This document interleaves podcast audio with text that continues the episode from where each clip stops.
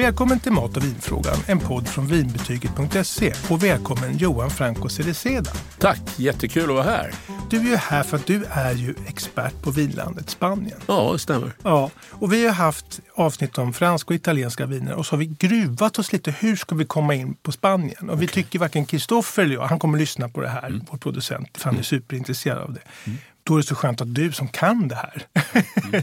att du är här. Ja. När man läser lite här om dig så säger man ju att du är, då, du är Sveriges främsta kännare av spanska viner och spansk vinkultur. Så att säga. Ja, det tycker jag nog att jag är faktiskt. Du, hur länge har du skrivit och eh, provat viner från Spanien? Oj, ja, alltså professionellt ungefär 25-30 år. Ja. Men grejen är ju att jag var ju väldigt, väldigt liten när jag köpte en flaska vin i Spanien. Jag var alltså typ sex år. Ja. ja och det är lite kul därför att eh, jag är halvspanjor så min pappa är från norra Spanien. Ja. Så vi var där en sommar i en liten by då, bodde med hela släkten. Och sen säger han till mig och storsyrran då som är två år äldre. Han säger så här, spring över till baren och köp en flarra vin. Ja. Och så fick vi med oss en tomflaska. Ja. Så sprang vi över gatan och så ställde jag upp den här flaskan på bardisken och så sa jag Vino Tinto, por favor. Ja. Och så hällde de upp rött vin i den här flarran. Så betalade jag några pesetas och sen sprang vi tillbaka. Och då var du inte tvåspråkig för ni var där med familjen över sommaren? Ja, jag är ju, nej jag var inte riktigt tvåspråkig men jag fattade ju mycket spanska. Ja, ja. ja eftersom vi hade varit väldigt mycket i Spanien. Redan, alltså jag, var ju, jag har ju alltid varit där. Ja. Vi har ju spenderat varje sommar i Spanien. Ja, ja just det. Du, den här historien, det är så kul att du berättar den, för den är med i din fina bok här som Stämmer. heter då Vino. Precis. Jag hade satt en lapp här på den. Ja, jaha, se där. eh, och jag bara vill nämna kort, och jag har med mig två eh, utav dina vinböcker här och den ena då, den heter ju då Älskade spanska viner, Vino. Mm. Mm. Och den andra heter Fino och det är en specialbok om sherry. Vi ska komma till varför den heter Fino också, för det är mm. inte bara att det betyder bra. Och jag eh, tycker det här är som härliga reseskildringar. Mm. Porträtt av människor. Mm. Det är inte en faktabok. Nej, nej, det vill jag inte skriva. Det kan någon annan skriva. Jag vill ju dela med mig av alla upplevelser jag haft i Spanien under så många år som ja. jag har jobbat med det. Inte bara jobbat utan också rest. Ja. Jag har ju bott i Spanien flera år, både i Barcelona och Madrid. Mm. Och jag har ju varit i Spanien, jag tror jag har varit i, i princip varenda eh, stad. Mm även på Kanarieöarna och Mallorca. Mm. Eh, så att jag, jag, jag kan Spanien, det kan jag. Jag tycker det är fantastiskt kul. Varje gång jag kommer tillbaka så upptäcker jag något nytt. Så att det är ett äh, mångfacetterat land. Ja, men dina, dina böcker här också, det är inte bara jag som tycker de är fina utan de har ju vunnit då Svenska måltidsakademins pris i kategorin dryckeslitteratur. Ja, båda Ja, båda. Ja. Det är ju superkul. ja. Det är jätteroligt. Ja. Och för den andra boken, för Finoboken, fick jag dessutom ett eh, internationellt pris. Just också. det, just det, det ligger här. Va? Ja, från OIV som alltså är en organisation för världens alla vinproducenter.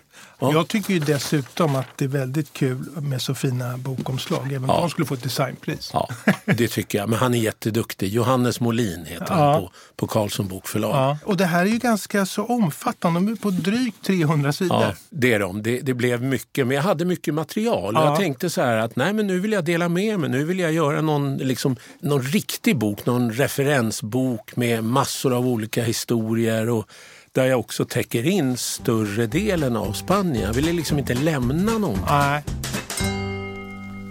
Det är verkligen eh, trevligt att, att, läsa de här berättelserna från olika delar. Och, och, men om vi skulle bara titta lite kort, och vi återkommer till böckerna här, mm. eh, om Spanien. Då, det är liksom världens största till ytan eh, vinland. Ja, det stämmer. Och det är inte så lätt att ringa in. Nej. Men om man säger lite grovt bara, hur har, har Spanien utvecklats som vinland om vi säger om vi går tillbaka 20-30 år mm.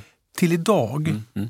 Ja, men det där är en intressant fråga som, som kräver ett längre resonemang naturligtvis. Men man kan ju liksom sammanfatta det i att under 90-talet mm. då var Spanien jättestort på exportmarknaden. Mm. Framförallt här i Norden. Jag menar, vi älskade spanska viner. Mm. Visserligen trodde vi att allt kom från Rioja, mm. bara för att det kom från Spanien. Så vi hade inte riktigt bra koll, men så är det.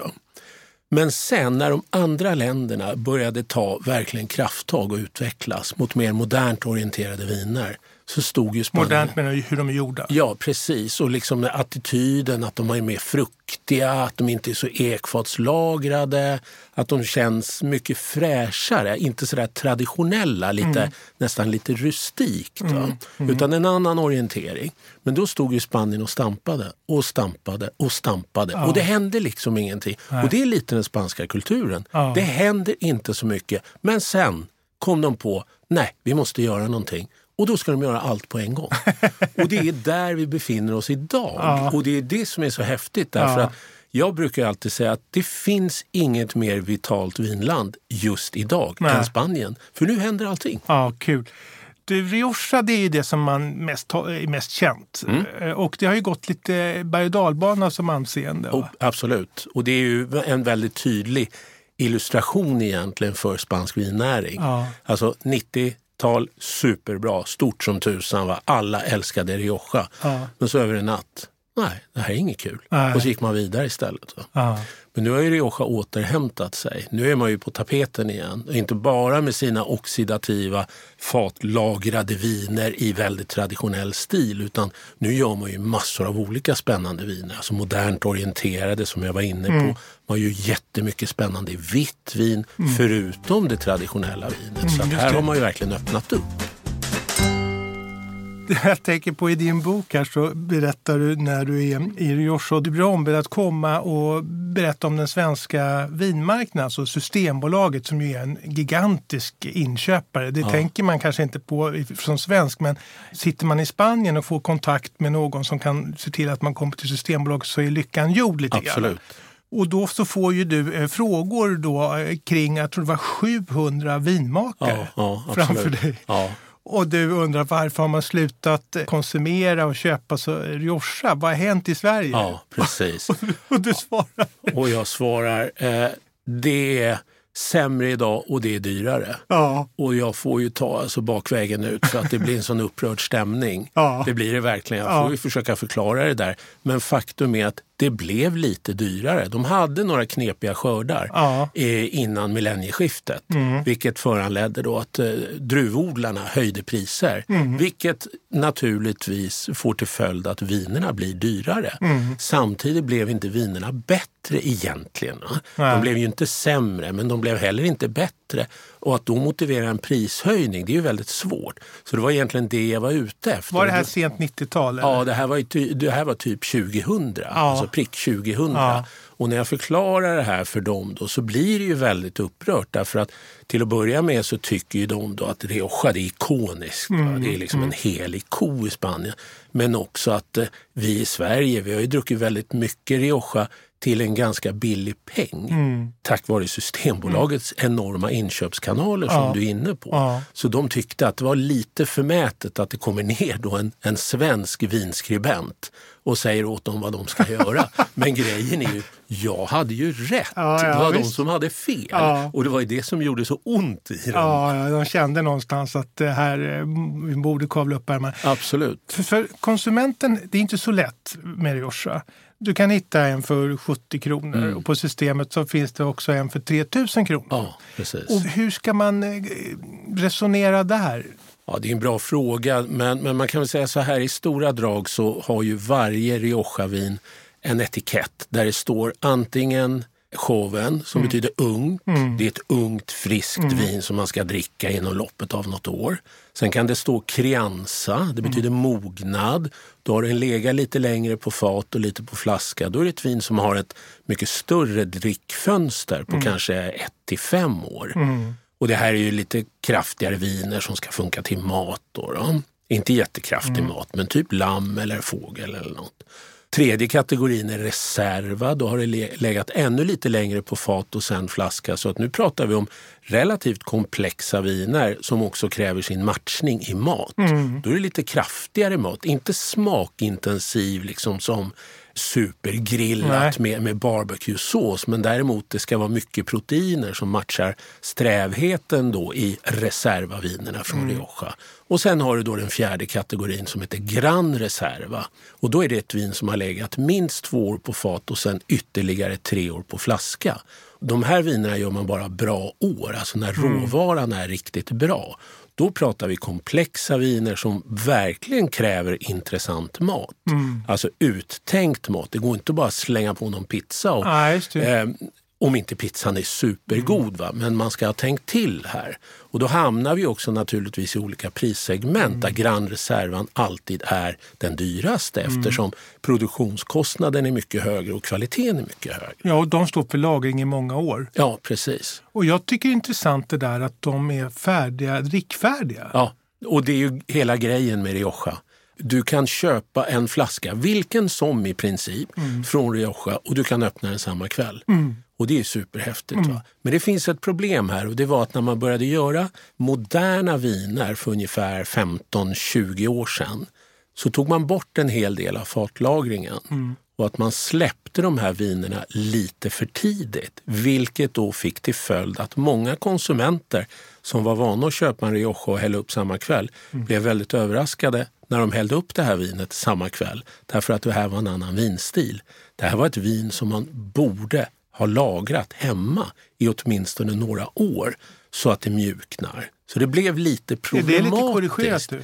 Ja, lite korrigerat. Men det är också korrigerat bland konsumenten som vet mm. att det finns flera olika stilar från Rioja. Mm. Men det var också en av anledningarna till att vi drack mindre Rioja. Därför att plötsligt så blev vi osäkra på vad ska jag göra med det här vinet? Ja. Så är det ju inte när vi köper Bordeaux, ja. för då är vi ju pålästa. Ja. Vi försöker läsa på även om det kan vara jättesvårt. Ja. Men, men just att vi hade det här den här vanan att öppna Riojan ganska tidigt. Så kom det här andra vinet och då bara, nej men vad fasen nu, ja, vad, ja. vad händer? Ja. Och det är klart, det föder ju tveksamhet. Och är vi tveksamma inför ett köp, då väljer vi något annat. Ja. Jag gillar det där att jag kan köpa en Rioja som är 2012 och har en hygglig prislapp. Det är häftigt. Men du Johan, nu har vi pratat om Rioja. Det mm. finns ju andra vinområden som kanske man idag höjer lite utöver Ja, Rioja. ja, det gör man. Rödvinsområden tänker jag nästan. Ja, precis. Jag skulle nog vilja säga att du tänker på tre områden. Mm. Ribera del Duero ja. förstås. Du har också Priorat, ja. jättestort, alltså internationellt och det är ett pyttelitet område.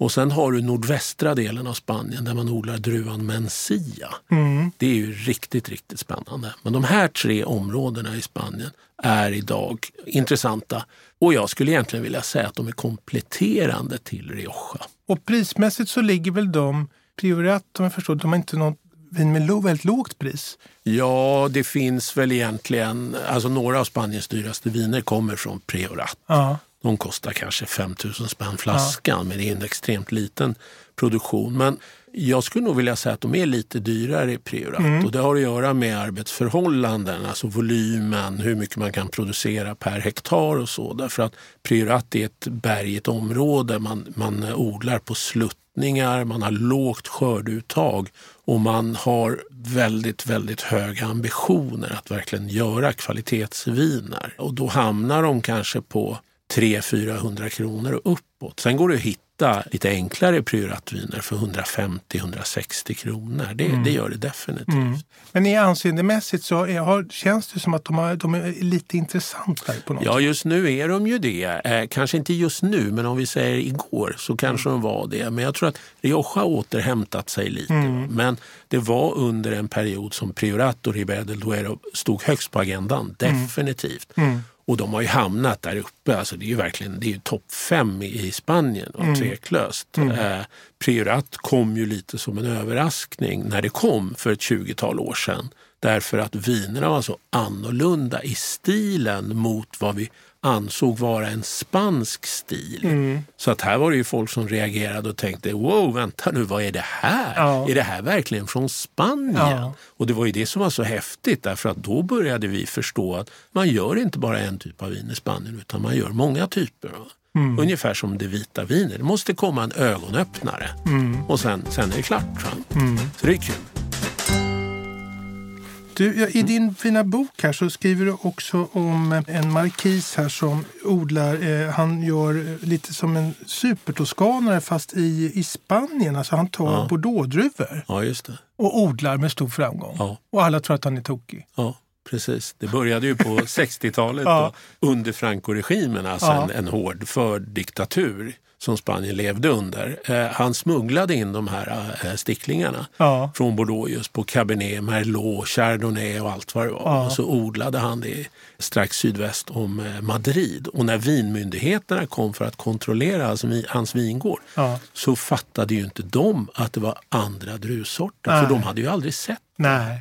Så att han, han körde ju på. Ja. Och så småningom började han göra några av Spaniens bästa viner.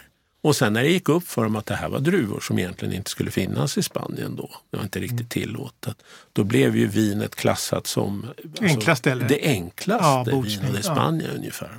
Eh, men det dröjde inte så himla många år innan han fick en, en egen klassificering. Då. En DO? En deo, ja precis. Men du, hur står det sig idag då med hans eh? Ja, nu, nu, är han, nu har han gått bort och ja. nu är det hans barn som har tagit över och han har sålt delar av produktionen. Men det är fortfarande jättespännande viner. Ja. Det är det. Alltså Marqués de Grignon heter han. En gammal, jag har ju träffat honom flera gånger. Han gör det. Han dog faktiskt i covid. Han var en av de första som gjorde det i Spanien. Men enormt eh, charmig man, liksom riktig spansk överklass och var polare med gamla spanska kungen och rörde sig i de kretsarna. Ja, ja. Så att han kunde ju av hävd göra lite som han ville. Ja, det, ingick liksom i familjetraditionen. Ja, kul. De här finare rebellerna tycker man ju om. Ja, de gillar man. ja. aristokraterna. Johan, när vi tar oss vid tidigare så kom vi in på det nya Spanien, nya spanska mm. viner och så mm. kom in på vita viner. Just det. Och då så fick du liksom någon slags energi. Ja, jag. något vilt i blicken. Ja, ja. Nej, men det är ju jättespännande det som händer med, med det vita vinet i Spanien. Därför att eh, drygt hälften av all produktion i mm. Spanien av vin är vitt vin. Mm. Det vita vinet har inte haft någon plats på den internationella arenan. Nej. Verkligen inte. Och man kan ju fråga sig vad, vad det beror på. Om det är inköpskanalerna som är felaktiga, om det är vår okunskap eller om det har att göra med spanska vinproducenter. Och jag skulle nog vilja säga att det är alla tre saker, men framför allt så är det spanska vinproducenters fel. Mm. Därför att de har inte satsat på att göra riktigt bra vin. Nu är jag väldigt generell, väldigt svepande mm. naturligtvis.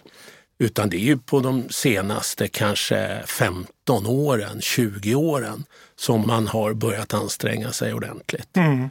Och nu ser vi hur det fullständigt exploderar. Mm. Man kan ju säga så här att Albarino som mm. odlas då i Galicien, det var ju lite det, det liksom vattendelaren. Det var det som fick oss att förstå att det faktiskt görs vitt vin i Spanien. Mm. Även om det hade funnits några Rioja-viner mm. förstås. Va?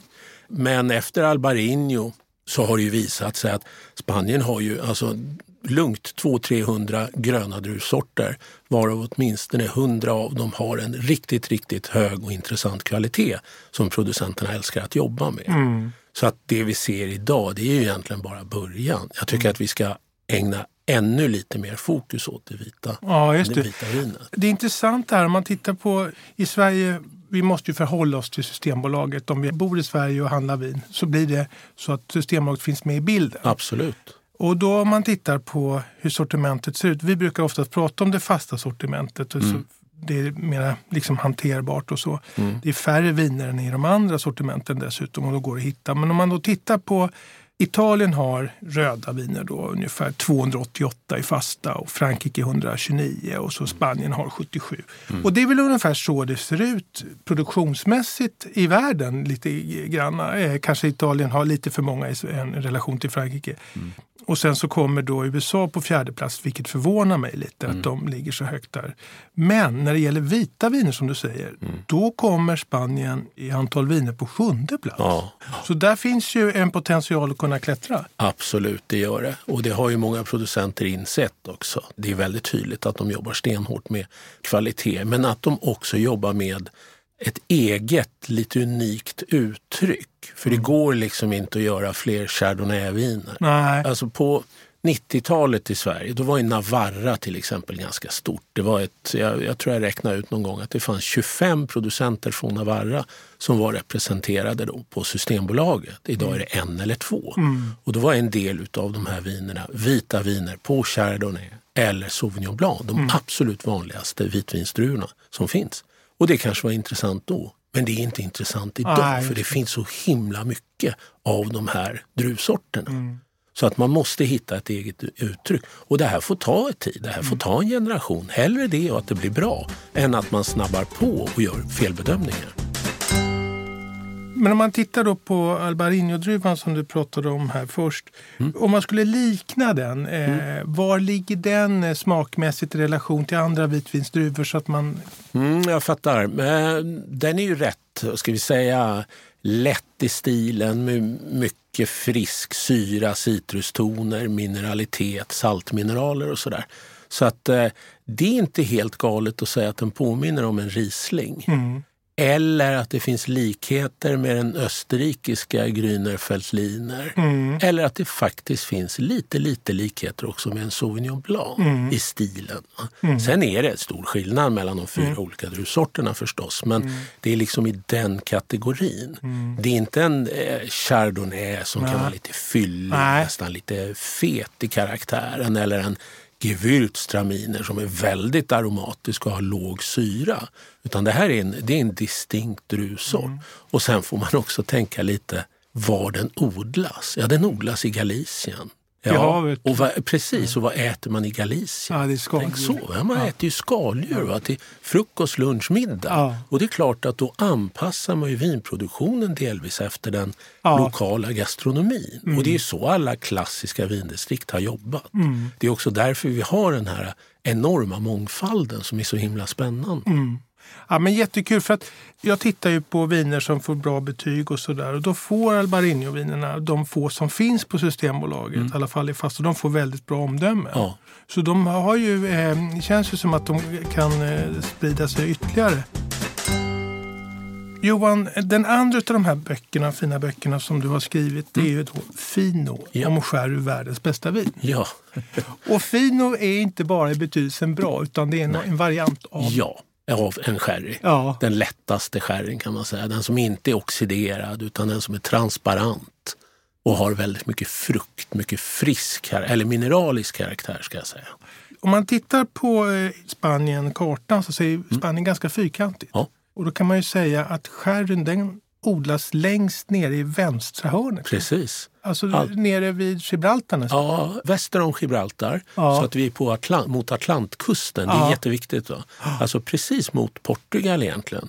På den sidan. Där man har ett speciellt klimat och där Atlanten då ger ett lite svalare klimat. Man glömmer det. Va? Ja. Atlanten är ju ett kallt hav. Men den får eh, man odla eh, och göra sherry på andra ställen, men gör det inte, eller? Nej, man får bara göra sherry där. För att kavan kan man ju göra på andra ställen, men ja. den görs nästan bara uppe ja, i Katalonien. Precis. Men, men här till... är det så? Här är, ja, okay, det, det, är DO-klassat? Ja, exakt. DO-klassat. Ja, ja, det är ursprungsbetecknat där. Men du, du, skriver en hel bok om sherry. Ja. Varför det? Berätta. Ja, det där är ju kul. För att jag berättade för någon kompis att jag skulle skriva en bok om, om sherry. Då, då säger han, en hel bok? Vad då räcker det inte med några sidor? och uppenbarligen inte eftersom boken är på 330 sidor. Nej men alltså det här är ett, det här är ett unikum i vinvärlden. Mm. Det finns inga motsvarigheter. Och det är så häftigt att 2022 är vi på, ja det är vi så finns det fortfarande saker som är så jäkla annorlunda att man blir bara tokig när man tänker på det här. Det är så otroligt häftigt att det här vinet finns kvar ja. och att det dessutom nu blir bara bättre och bättre. Det är superhäftigt. Det är en enorm utveckling i det här området. Vi säger så här, enkel beskrivning ja. av sherry. Mm. Vad är sherry för typ av vin? Sherry är ett, eh, egentligen ett ganska vitt begrepp därför att du har flera olika vinstilar mm. i sherryn. Men generellt så är sherryn ett starkvin. Mm. Det vill säga du gör ett vin och sen tillsätter du sprit. Du avbryter inte jäsningen som man gör ibland när man gör starkvin med att tillsätta sprit för då får du ett sött vin. Mm. Portvin, madeira, det är ju mm. söta viner. Sherryn är ju torr till 95 procent. Mm. Så att vad du gör det är att du skördar druvor som är gröna, sen gör du ett vitt vin och sen får det jäsa ut till 11,5 procent. Och sen när du har gjort det så känner du hur vinet är, alltså vilken mm, karaktär mm. vinet har. Sen kan du göra två olika övergripande typer av det här vinet. Om du vill att vinet ska vara elegant, liksom fint, frivolt, mm. då spritar upp vinet till ungefär 15 procent. Men vill du att vinet ska ha lite mer karaktär, lagras längre, då spritar du upp till, till ungefär 17-18 procent. Redan där har du två olika vinstilar. Mm. Det ena vinet, och det är på 15 procent, det kallas Fino. Det, och det är det som du gillar? Det, det är det jag framförallt gillar, ja. även om jag gillar andra också. Ja.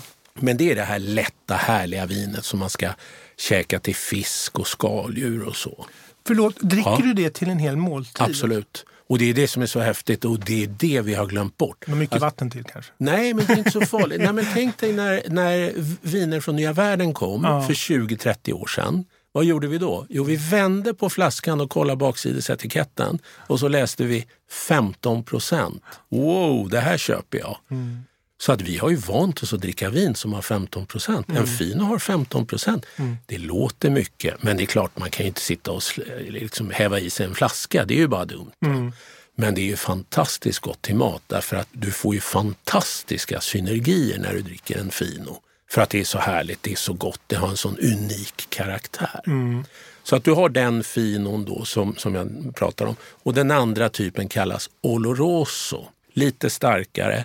Den får en mörk färg så småningom så den blir lite oxidativ. Men den är fortfarande torr. Det är okay. aperitif. Ja, det kan man ju ha. Man kan ha det till ost. Men jag brukar dricka det här till mat jag tycker det är jättehäftigt. Alltså, mm. har du en, säg att du har en gryta på högrev till exempel och sen så häller du i lite av ett Oloroso-vin i grytan precis innan servering. Vad är bäst till då att dricka? Ja, Jo, samma Oloroso. Mm, mm. Så det är de två typerna vi har. Sen finns det en tredje typ och det är den söta sherryn. Men den är ju alltså minimal i volym. Mm. Den har man ju druckit i, i, Storbritannien till exempel. Ja, det kan man se framför sig. Tanter Ex som tar... Exakt, och det är den här bilden som hela skärdindustrin försöker jobba bort. Mm. Men det är jättesvårt. Mm. Men alltså, tänk på att ungefär 97-98 procent av all sherry som tillverkas är knastertorr. Mm. Jag tycker det är intressant att du kan dricka det här till måltiden. När man pratar trender inom mat och vin. Och det kommer ju trender som slår igenom. Men ser du framför dig att eh, sherryn kan blomstra upp? Jag hoppades väl på det, men, men, jag har nog insett att det är ett för smalt vin egentligen. Jag kan ju bara hoppas eh, fortsättningsvis att folk upptäcker det. Mm. Men jag märker ju det när jag håller sherryprovningar eller när jag utbildar. Att många tycker att det är jättehäftigt och bara wow, det här ska jag verkligen testa. Mm. Men sen när det är dags att gå och handla ett vin, då är det inte sherry det första de köper. Nej.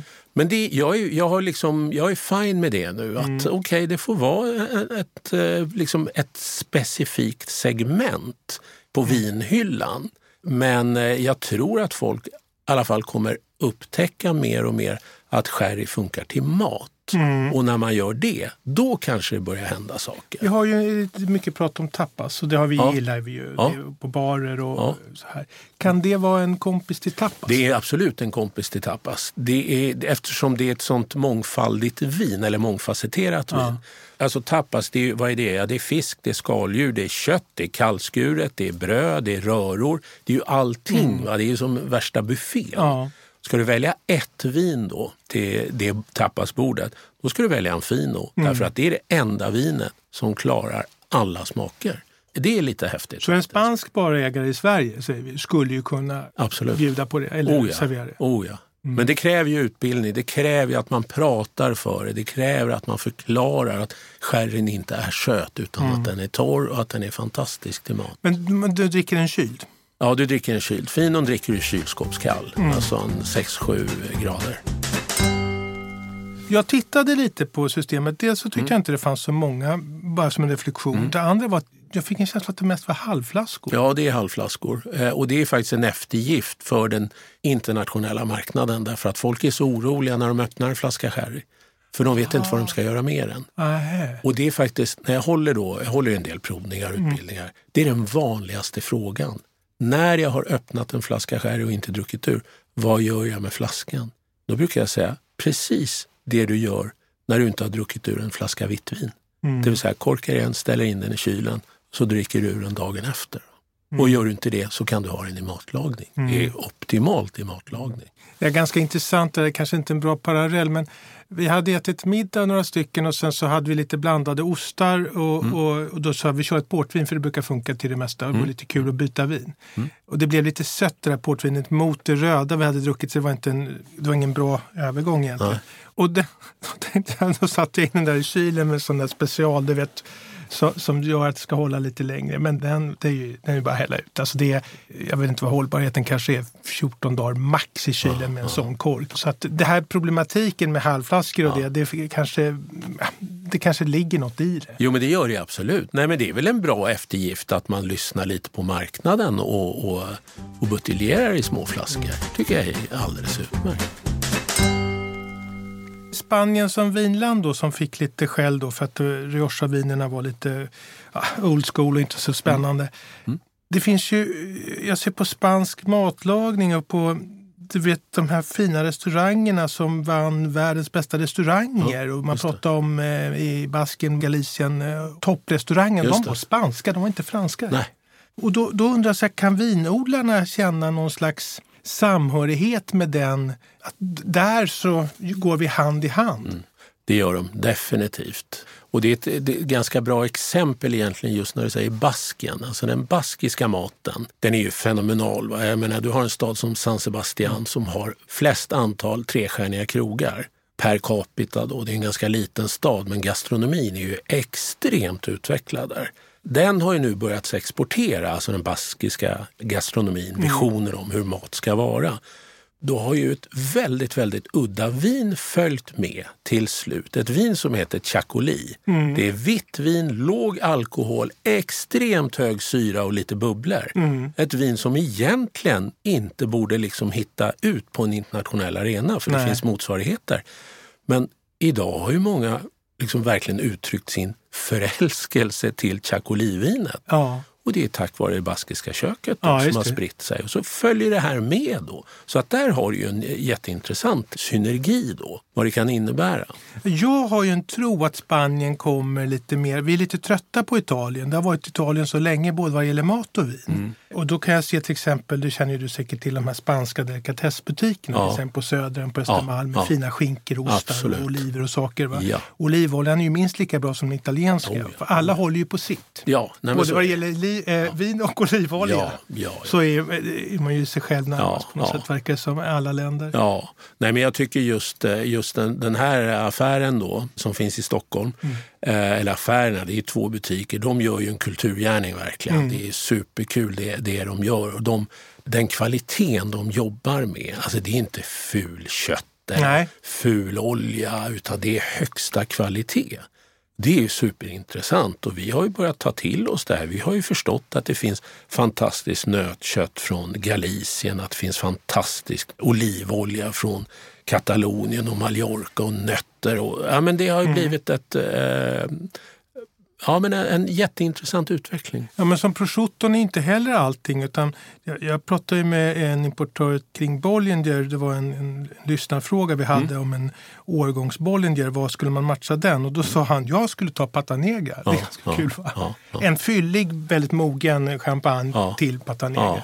Det var hans optimala ja, pairing. Superbra, jättebra, jättebra kombo. Verkligen. Patanegra är ju, det är ju liksom det ikoniska egentligen. Och Spanien behöver den typen av produkter. Mm. Så att vi ska förstå manchegoosten också, mm. den är ju mm. viktig. Va? Därför att vi mm. behöver hänga upp det på någonting. Vi behöver börja lära oss mer om spansk gastronomi också. Mm. Och då är det bra, då har vi de här referenspunkterna så går vi vidare. Om man kommer in då på det mousserande då, kavan då. Mm.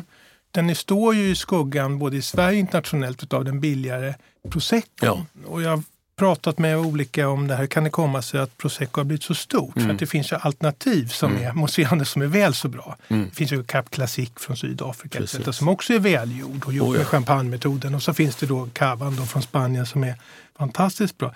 Ja, då säger de att italienarna har varit duktiga marknadsförare. Ja, det är de ju. De är ju suveräna. Men jag menar, det är inte så konstigt heller för att alla älskar Italien. Det är ju så. Alltså Italien för oss, det är sinnebilden av livsnjutning.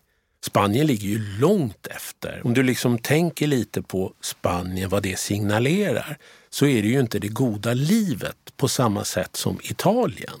Italien då är det ett uppdukat middagsbord eller lunchbord i vingården, eller hur?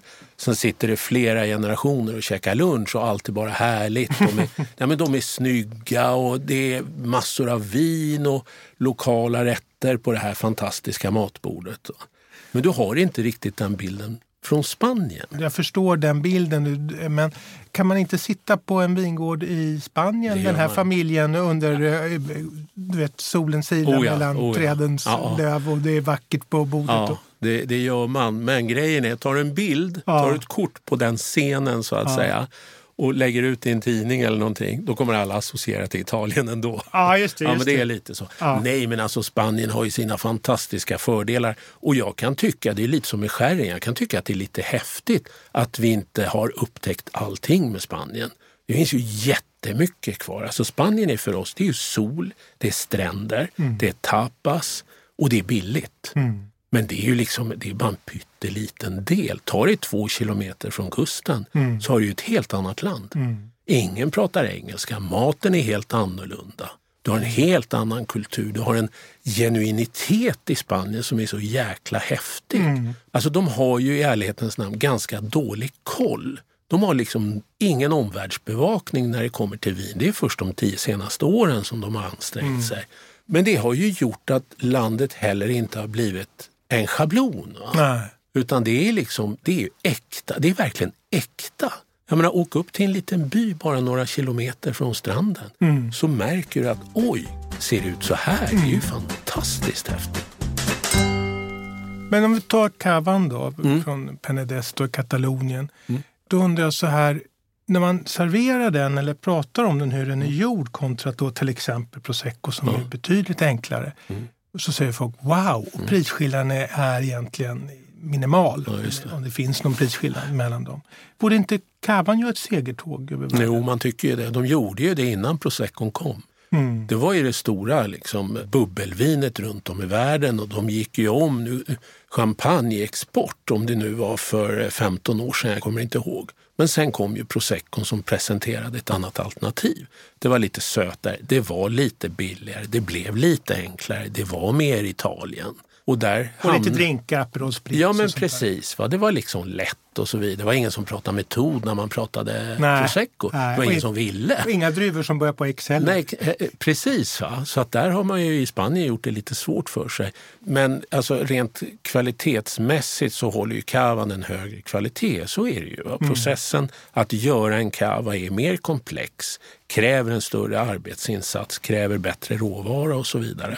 Men Samtidigt har man ju inte i Spanien riktigt vågat ta betalt för sin produkt. Det har ju varit ett lågprissegment mm. Cavan har legat i. Det borde den inte ha gjort därför att det är bättre än så. Mm, det profilerar också. Det säger någonting om priset. Ja men precis, ja. absolut. Och idag då när det kommer producenter som jobbar stenhårt med kvalitet, då säger ju de själva att vi är vår egen värsta konkurrent. Därför att om jag gör en produkt som jag vill ta kanske 150 kronor för. Då kommer ju konsumenten resonera, men varför ska jag köpa det när jag kan köpa en annan cava mm. för 99 spänn? Mm. Men andra sidan inom champagne har du en ganska stor spännvidd idag från mm. kanske 200 upp till, ja, finns mm. inget tak nästan. Nej, det gör det inte. Så där, det, det går ju, men jag brukar ju skälla nästan i varje avsnitt på Systembolaget ja, ja. kring hur de skyltar upp Ja, ja det kan man göra. Därför där har du då ja. champagne blandat med prosecco, cava, cap mm. classic etc. Mm. Och som konsument så hade det varit trevligt om du, om du hade då champagne så är det då Frankrike och sen så har du då Cap Classic Sydafrika och så en flagga och så står det lite om det som land och vilka druvor man använder och så eh, Cava Spanien. Så att du har en chans att att liksom på något sätt eh, förstå vad som är vad ja, i det där. Ja, ja, precis. Nej, men jag kan instämma och jag kan nästan också skälla lite på bolaget därför att eh, när det kommer till sherry till exempel, mm. som jag då hävdar är en måltidsdryck, så står sherryn under aperitif ah, slash dessertvin. Och jag mm. menar, fine, 1922 kunde vi ha sagt det, mm. men inte hundra år senare. Någonting måste vi ha lärt oss. Nej, men det där är, det där är ett ja. dåligt, alltså det, det är omdömeslöst. Det ja. är faktiskt. Ja. Men de kanske lyssnar på det här, vi får se. Men om vi säger så här, vi får ju leva med vårt eh, monopol. Vi ja, ju det här. Ja, det och då, om du eh, var vd då, ja. har du några tankar vad du skulle vilja göra? Oj, ja, större spännvidd i butik, inte bara i beställningssortimentet. Mm. Definitivt. Ha lite mer koll på eh, omvärlden. Mm. Alltså Östeuropa skulle vara jättespännande att ta in mycket vin därifrån. Inte ett georgiskt vin, inte Nej. ett armeniskt vin utan flera. Mm. Eh, var lite mer generös med den inhemska vinproduktionen. Mm. Nu börjar de ju släppa upp lite. Men eh, en större mångfald kan jag tycka. Definitivt. Och inte vara så himla ängsliga för att ta in udda viner. För att det kommer att sälja. Men deras argument är ju, finns ingen efterfrågan. Men det är mm. klart, det är ingen som har testat. Nej, nej.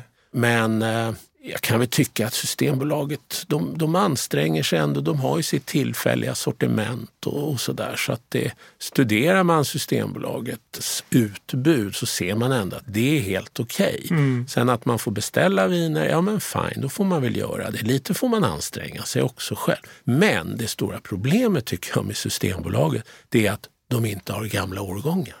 Och Nej. det är ju katastrof. Mm. Alltså, visst, du hittar en Rioja från 2012 mm. kanske, mm. mm. men du hittar inte en tidigare årgång av den. Och att Nej. du hittar 2012, det är för att den är släppt. Mm. Så att där skulle jag vilja se en, en uh, avsevärd förbättring. Mm. För att nu måste man ju köpa på auktion eller på nätet och det vill väl inte Systembolaget? Nej. Att vi ska handla på nätet. Nej, det vill de verkligen Så att, uh, det, det skulle vara jättespännande. Mm. Jag tycker ju så här att Systembolaget är ganska... Jag har inga betänkligheter när det gäller öppettider. Jag tycker man kan handla när de är öppet. Mm. Jag må, det måste inte vara öppet dygnet runt Nej. på söndagar för mig. Det tycker jag är trams. Jag tycker väl att informationen är att, att det, alltså det finns som viner, de har artikelnummer. Det står vem som är importör, det står sockerhalt och sånt ja. där. Och att de provar alla vinerna i det fasta sortimentet. Det är min käpphäst. Det tycker jag är en jättetrygghet. Ja, ja, det är bra. Eh, det är bra. Samtidigt är de då uppenbarligen ganska förlåtande när det kommer till visst vin för att eh, vissa viner ska inte säljas. Nej, Nej det har så låg kvalitet. Alltså det, så att det, det, det, det måste där är intressant. Kan du bara ge mig en vink om vilken typ av viner det är? Nej, men man kan väl säga så här utan att vara vinsnobb på något sätt, ah, för det är inte ah. intressant. Va? Det är jag verkligen inte. Men det finns en del billiga, billiga viner i Tetra ah. som jag tycker är eh, undermåliga, till och med som matlagningsvin. Nej, men det, det är synd. Det, det, det ska inte få förekomma. Eller det faktum att de säljer box.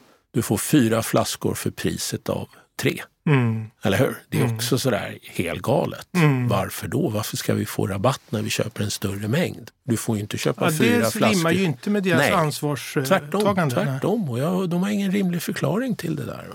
Men som sagt, eh, nu ska vi inte gnälla på bolaget för de gör... men vi hyllar dem också. Ja men absolut. Det är både. Ris och ros. Johan, mm. jag tror att vi kan runda av nästan så här. Mm. Jag är otroligt tacksam för eh, det du har berättat och jag vill verkligen tipsa alla ni som lyssnar om de fina böckerna här, Fino och Vino.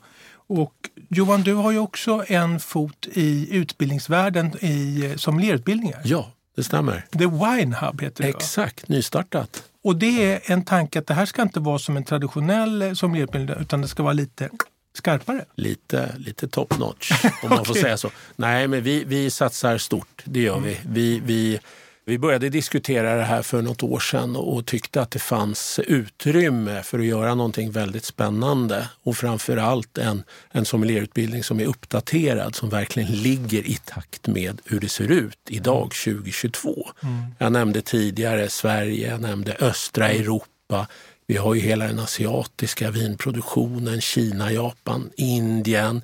Vi måste börja lära oss om detta. Mm. Och det tycker jag den traditionella sommelierutbildningen i Sverige missar. Johan, det här är nästan ja. ett eget avsnitt hör Ja, det kan det vara. Absolut, jag är med på det. Ja. Men det här är jättebra Jag tackar dig. Ja, och tack så tackar själv. vi alla som har lyssnat. Vi Ja. hörs snart. Det gör vi. Ha det bra. Du med. Hej. Hej. Har du frågor om mat och vin? Alla frågor är välkomna. Maila till mig på stefan.vinbetyget.se